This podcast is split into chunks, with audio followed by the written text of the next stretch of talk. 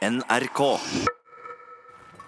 Ved Karmsundet på Avaldsnes har flere sesonger med arkeologiske utgravninger brakt fram bit etter bit av ruinene etter en mektig kongsgård som lå her på 1300-tallet. Så eh, Det var jo veldig spennende i år da, å åpne opp her eh, utover i juni og se hvor, hvor lang denne bygningen var. Og det fortsatte, og det fortsatte, og det fortsatte, og det fortsatte. Så her foran oss ser vi jo gullnivået i eh, hovedetasjen, eller førsteetasjen i denne bygningen. I et tidligere program har arkeolog Dagfinn Skre fortalt om hvor flott kongsgården fra 1300-tallet må ha vært.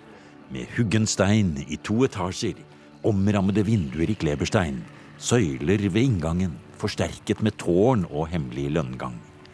Og det å beherske Karmsundet, å befeste og kontrollere denne delen av den indre skipsleden langs kysten, det har blitt gjort av store og små konger helt siden bronsealderen, sier han. Og slike konger er det et eget ord for i Heimskringla og Snorres ynglingesaga. Sjøkonge som aldri sov under sotut ås og aldri drakk i ovnskroken. Altså, de sov aldri under tak. Nei. Ikke sant? Ja, takås. Ja. Og de drakk aldri i ovnskroken. De var alltid ute. Sånne folk fantes det en hel del av. Mm. Og de levde på sånne steder som dette her. Eh, Så dette er et sjøkongemiljø. Sjøkonger, må vi tenke oss. Og hva var de konger over? Jo, de var konger over Nordvegen i helt bokstavelig forstand. De var konger over ferdselsleden. Og eh, dette sjøkongemiljøet eh, må vi tenke oss har eksistert i, i hundrevis av år. Selvfølgelig noen ganger større, noen ganger mindre. Her på Avaldsnes stort. Eh, så eh, jeg ser vel for meg at Avaldsnes og andre kongsgårder har fungert som sånne baser. Der de kunne, og de kunne holde gjestebud og, og hva som ellers hørte med til det livet de levde. Så kongeriket Nordveger var i utgangspunktet et sjøkongedømme. Rent sjøkongedømme. Og så er det Harald da, som gjør det til, eh, som konverterer det, på sett og vis, Ja. til også å bli et landkongedømme. Men fra og med Harald så ble de mer og mer landkonger, kan du si. Og når vi fikk byer, så ble byene viktigere enn sånne steder som dette her. Det ble viktigere for kongen å sitte i byene enn å ha kontroll på, på, på ferdselsleden. Og når vi kommer opp i Håkon Håkonssons tid, da dette kongsgårdsanlegget vi står og ser på resten av nå er fra, så, så er også kontroll over sjøen viktig, men det er jo sekundært. Det er jo landet. Kontrollerer du landet, så kontrollerer du sjøen. Det, er, det skjer jo en utvikling også i, i, i hvordan strid foregår, ikke sant? som gjør at det å ha kontroll over land var mer og mer viktig. Det må vel ha vært tilfeldig, men en stor flokk gjess flyr over hodene våre når vi kommer til Danmarks borgsenter i Vordingborg. Sammen med historieprofessor Erik Oppsal fra NTNU har vi kommet for å se på Gåsetårnet. Et av de best bevarte eksempler på middelalderens borgtårn. Bygget av selveste Valdemar Atterdag. Akkurat på den tiden da hans datter Margrethe var gift med kong Haakon 6., som bygde på Avaldsnes. Normalt forteller vi om borge og konger og makt, om Valdemarenes borg i et langt perspektiv. Men lige Og det er avdelingsleder Thomas Tram Pedersen som viser oss at formidlingen her på Borgsenteret starter med vikingtiden.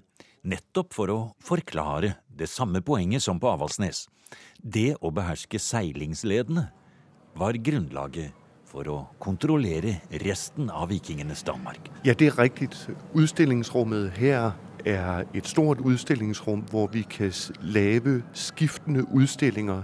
Men lige i år, der handler det om vikinger og om vikingernes hedeby. Igen fordi der er en sammenheng mellom Hedeby og Vordingborg og plasseringen ved Østersøen. Og det er jo en spennende linje å følge. Eh, vikingetiden og alt det som har Og igjen så er jo det en ting som knytter oss sammen, Norge og Danmark, eh, og i vår felles historie. Men nå skal vi gå ut i eh, middelalderen. Nå skal vi forlate vikingtiden akkurat i dette programmet. Så skal vi gå ut og se på Valdemarenes borg. For det er det du kaller det. Valdemarenes borg. Ja, fordi øh, alle tre Valdemarer, Valdemar den Store, Valdemar Sejr og Valdemar Atterdag, har alle tre bygget borge her på stedet. Og borgene de er blevet større og større. Nå går vi ut gjennom borgsenteret. borgsenterets Når vi kommer ut her, eh, Thomas, så ser vi jo to ting. Vi ser eh, de gamle borgruinene som ligger her ennå, som vi ser rundt oss. Vi ser tårnet, og vi ser utover den veien. Og da ser vi innover mot Østersjøen. Ja, præcis. Øh, Det er meget karakteristisk, at her fra borgen, der er der en helt fantastisk udsigt ud mod Østersøen. Og det er netop i den sammenhæng, at man skal forstå, hvorfor borgen ligger lige her. Fordi den er ikke bygget for at håndhæve kongens magt på Sjælland. Den var sikret på andre måder. Den handler om at sikre Valdemarerne en symbolsk og en militær tilstedeværelse i Østersøområdet. Vi skal snart høre mer om Valdemarene, særlig den siste av dem. Men det var dette med gåsetårnet, som fortsatt står omtrent slik det var i middelalderen. Et nesten 30 meter høyt tårn i rød tegl, med et utsyn vidt utover Østersjøen. Helt på toppen sitter en gullforgylt gås, ifølge legendene plassert der av Valdemar Atterdag, som et pek mot hanseatene. Tårnet, vi går hen til, hedder Gåsetårnet. Og eh, kigger man opp i toppen av det, så kan man også se forklaringen på, hvorfor det hedder Gåsetårnet. Der sidder nemlig en mektig stor gås, guldgås, i toppen av tårnet. en gås av gull, ja. Men den opprinnelige gåsen, den tok Erik av med seg. Ja, legenden, legenden vil vide, at Erik af Pommern, forfulgt af alle sine, sine kreditorer, flygtede med guldgåsen under armen og tabte den herude i farvandet. Det er blankslitte gelender. Tusen hender har, har Selve borgen må ha vært et imponerende syn på 1300-tallet, sier Thomas Tram Pedersen. Det var høye borgmurer ut mot havnen hvor Leidangsflåten lå. Og muren var ikke bare rød, men hadde striper av gul og sort teglstein, som også var kong Valdemar Atterdags heraldiske farger. Borgen besto av en ringmur som var 800 meter lang, med tolv forsvarstårn. Og innenfor murene var det et stort område på over 30 mål, med ni frittstående tårn, og trehus og telt til en stor garnison. Det virket fint i flere generasjoner, sikkert etter omtrent samme plan som på Avaldsnes, et stort kongelig anlegg for å vise kontroll og tilstedeværelse. Men så brøt det ut to kriger med hanseatene på midten av 1300-tallet. Det var da Avaldsnes ble brent, og samtidig kom Vordingborg også i skuddlinjen for de hanseatiske leiesoldatene. Og her, Erik, er vi midt inne i vår periode. Vi er altså 1360 til 1370, ja. ja. Det er jo da første og andre Hansa-krig. Den første er jo da Valdemar Atterdag mot Hanseatan. Den andre er også den norske kongen Håkon 6. eh, på, alliert med Valdemar. Så da er det Valdemar og Håkon som får den såkalte Köln-føderasjonen imot seg. En samling av hans... Nå, nå Idet de fikk den mot seg, så brøt muren sammen. Og det er den muren her vi står nå, eh, Thomas. Og den er lavd, denne grafiske fremstillingen, det er en film. Og vi er midt inne i en krig her. De skyter frem og tilbake. Og vi har fått et hull i muren her. Ja, der ser man altså udsigten her fra tårnet i cirka 30 meters højde. Hvordan øh, udsigten har været under en belejring, og man kan se fjendens belejringsmaskiner og soldaterne, der angriber borgen. Ja. Det er relativt avanserte ting som foregår her også. Det er eh, store beleiringsmaskiner som trekkes frem. Man kaster prosjektiler gjennom luften, men kanonene har ikke kommet. Det har de ikke. Vi har omtrent på tidspunktet her førstegangs bruk av kanon i Europa, nemlig under hundreårskrigen mellom England og Frankrike. Eh, I Norden så har vi de første bruk av kanoner ikke så lenge etter dette her. Men nå avansert eller utbredt bruk av kanoner er det ennå ikke. Det er kastemaskiner og beleiring. Beleiring av en borg i perioden er egentlig ganske vanskelig dersom besetninga på borgen har gått med forsyninger. Og typisk nok en engelsk kommandant fra hundreårskrigen, altså omtrent samtidig med dette her, rapporterte tilbake til den engelske kongen om at beleiring av borga det var bortkasta bruk av ressurser. Det er best å gå utenom. Ja, Og heller sette igjen en garnison for å hindre at de som er inne i borgen, kommer ut. Ja, f.eks. Men det som jo skjer i den andre Hansa-krigen, altså den som da på slutten av 1360-tallet, er jo at hansiatiske tropper får kontroll over flere borger i Danmark. Så det er jo en kritisk altså Danmark er jo en kritisk situasjon på det tidspunktet. Den norske kongen lykkes med å få våpenhvile ganske raskt, altså en midlertidig våpenhvile. Mens Danmark da er under sterkt press, rett og slett beleiringspress av de hansiatiske tropper.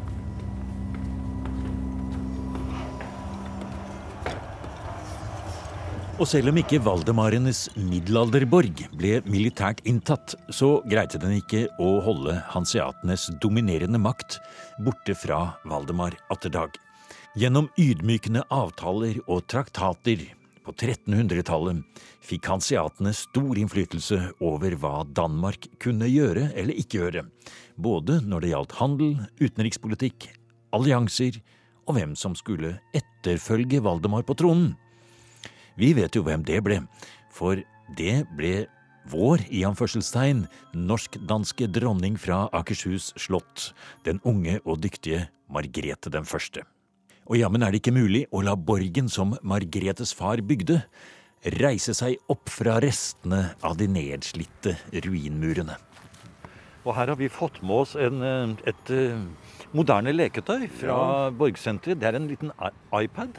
Riktig. Det er en iPad med hodetelefoner. Det er et kart her, visuelt et uh, kart. Vi går rundt i borgerruinen, så får vi beskrivelse av den delen av borgen, hvor den har sett ut. Og enkelte steder så får vi da også en slik tredimensjonal rekonstruksjon av hvordan borgen har sett ut. Sånn virtuell virkelighet, da.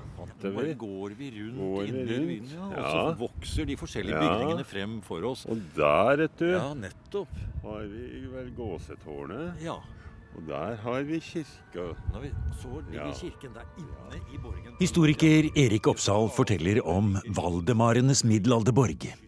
Den ble påbegynt allerede på 1100-tallet av den første Valdemar. Senere kom det tre Valdemarer til, og Valdemar Atterdag var nummer fire. Og det aller viktigste med Vordingborg er hvor den ligger.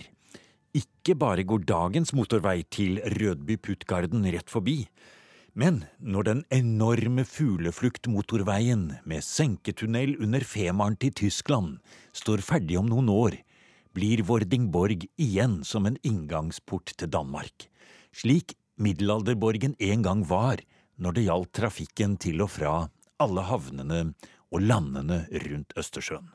Og For oss nordmenn så kanskje ikke alltid like lett å huske at dansk kongemakt i middelalderen har en ekspansjonslyst og en evne til å ekspandere særlig inn i Østersjøen. Eh, det ble jo skapt et dansk, nærmest et dansk østersjøimperium i løpet av høymiddelalderen. Ja, Et dansk østersjøimperium, ja. ja. Som da fra dagens Danmark over de nordtyske eh, kystlandskapene innover og inn til Baltikum, med, med Estland som da endestasjon.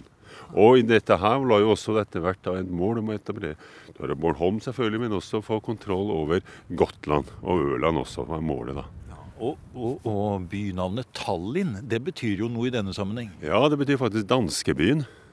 Ja. Og etter tradisjon så eh, falt jo Dannebrog, altså dagens danske flagg, ned fra himmelen over en dansk korsfarer her i nettopp eh, da i Tallinn i tidlig 1200-tall. Ja, for det gikk an nemlig å ha korstog innover i Østersjøen, for det var hedninger der også? Ja, hedninger det var én ting, men det var også kjettere. Ja. De ortodokse. Som da så var etter hvert ble også en legitim grunn for å føre korstog, da. Og det gjorde valdemarene. Nå skal vi gå litt ned. Her ser dere noe de kaller for en paviljong. Vi går rundt inne i borgområdet på Vordingborg. Så ser vi de har satt ut markeringer av noen av de største husene som var her. Og så har de satt opp utstillingspaviljonger, som de kaller det. Som er egentlig store rustfargede konteinere med da utstillinger inni. Og nå går vi bort til en av disse for å søke litt grann le, tror jeg. Og herfra nå så kan vi se bort på gåsetårnet som vi var inne tidligere. Og da ser vi det typiske. Vi ser for det første rester av ringmuren.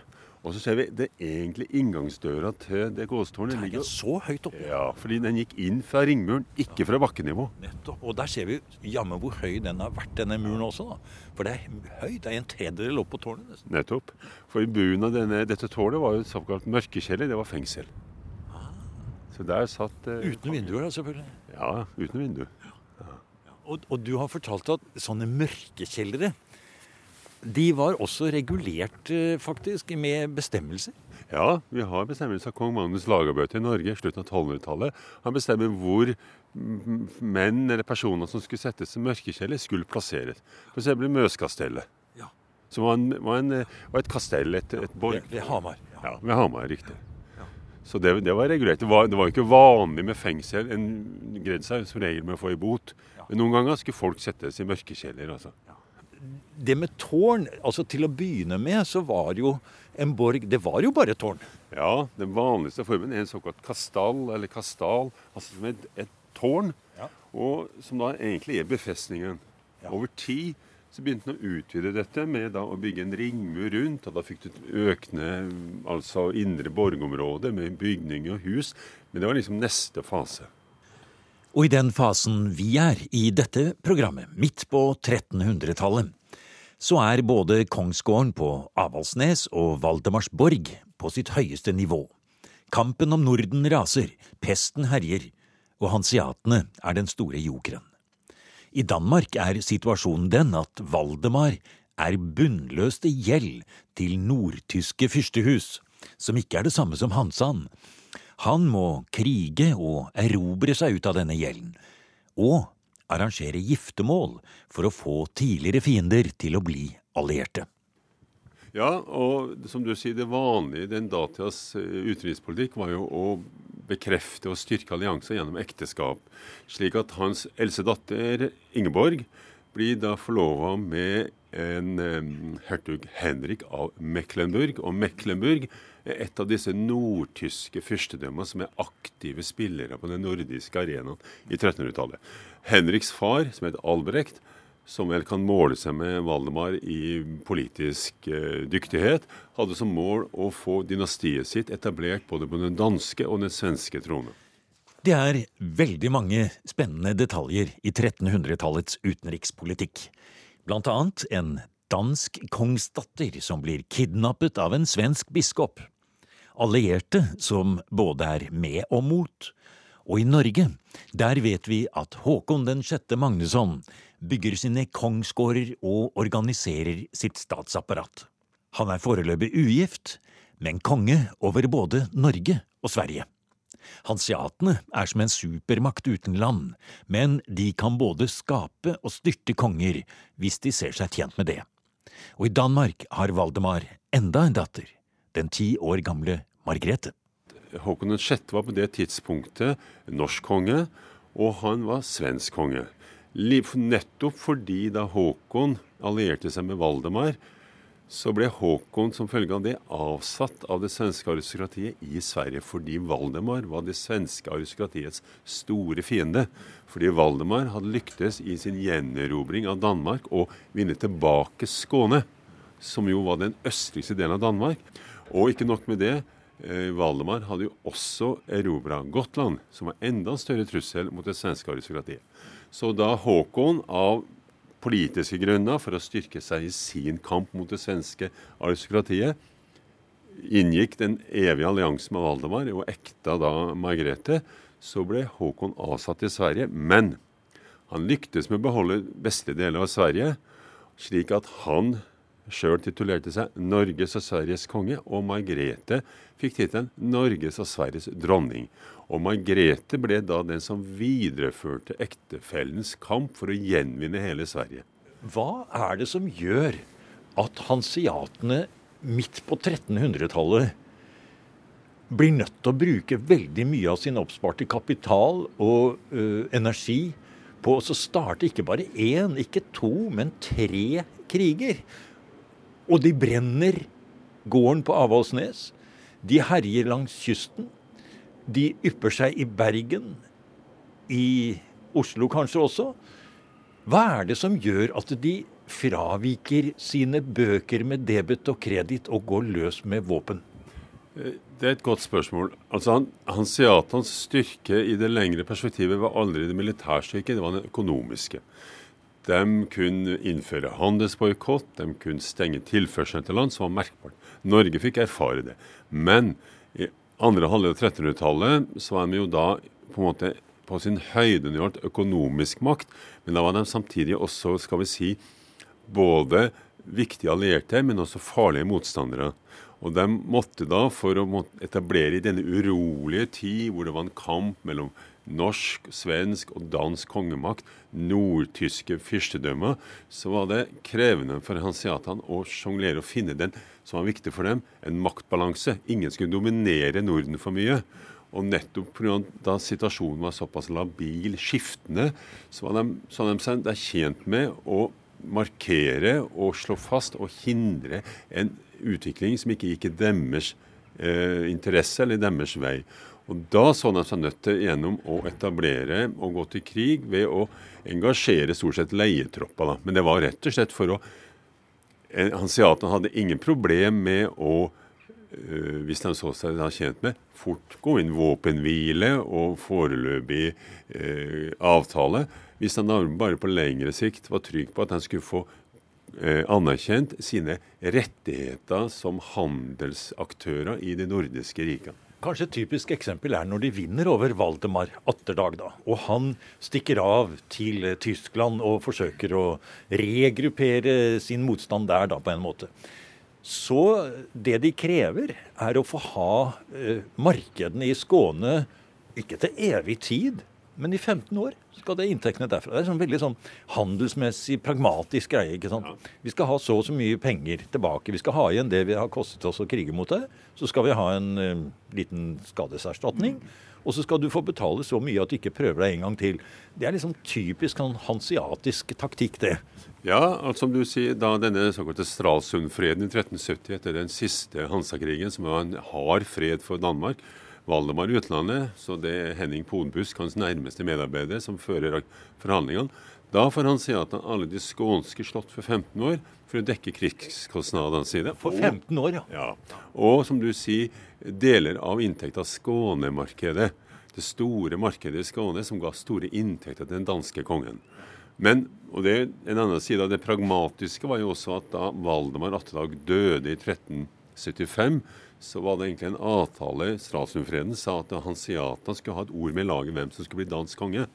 På det tidspunktet så de seg best tjent med å si at nei, vi behøver ikke å si noe om dere kan bestemme, vi, fordi da så de seg sine, tjenest, sine interesser best tjent med å ligge på været, for å si det sånn. Og Valdemar Attedag skal på dødsleiet ha sagt at det var eh, den Albrecht som skulle etterfølge ham. Den tysk-romerske keiser sier det samme. Men det er da Margrethe for første gang viser sin politiske dyktighet. For hun greier da, i samspill med sin ektemann Håkon 6., og mektige kretser i det danske aristokratiet, å få sin sønn valgt til dansk konge i 1376. Har hansiatene noe med det å gjøre? Ja, fordi hansiatene for det første har da fått tilsagn fra Håkon 6. om at nå de endelig skal få eh, stadfesta sine rettigheter i Norge, som de ennå ikke For hver nye konge må stadfeste rettighetene til han... Og pga. krigen og sånn, så har det hele blitt utsatt fra Håkons side. Nå er det hans trumfkort. Hvis min sønn blir dansk konge, så skal jeg stadfeste privilegiene deres i Norge. Og det gjør han. Det betyr, og det medfører at hanseatene sier de skulle egentlig hatt et ord med i spillet, eller mor med i laget. Ja, for det står jo i en traktat. I, i Stralsundfreden 1370 at de skulle Nå sier de OK, vi sier ingenting, vi lar andre bestemme, vi bare venter. Så vi blander oss ikke inn. Det mener jeg er avgjørende for da at Olav blir valgt til dansk konge i 1376. Og så dør jo da Håkon 6. fire år etterpå, i 1380. Og Norge er arvekongedømme, så da er det ikke noe tvil om eh, tronfølgen. Det er Olav. Og da får vi et dansk-norsk politisk fellesskap gjennom Olav. Og det sier også litt om Margretes posisjon, at allerede i 1381 så sier det norske riksrådet at eh, forhandlinger med hanseatene det overlater vi til dronning Margrethe.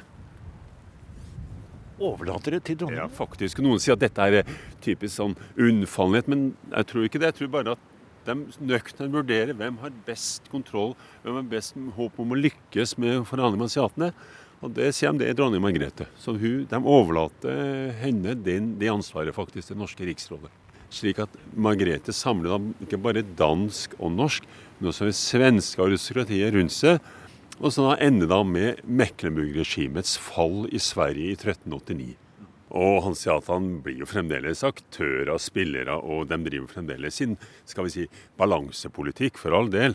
Men i hvert fall så får Margrethe nok handlingsrom til å gjennomføre sin åpenbart målbevisste politikk om å samle Norden.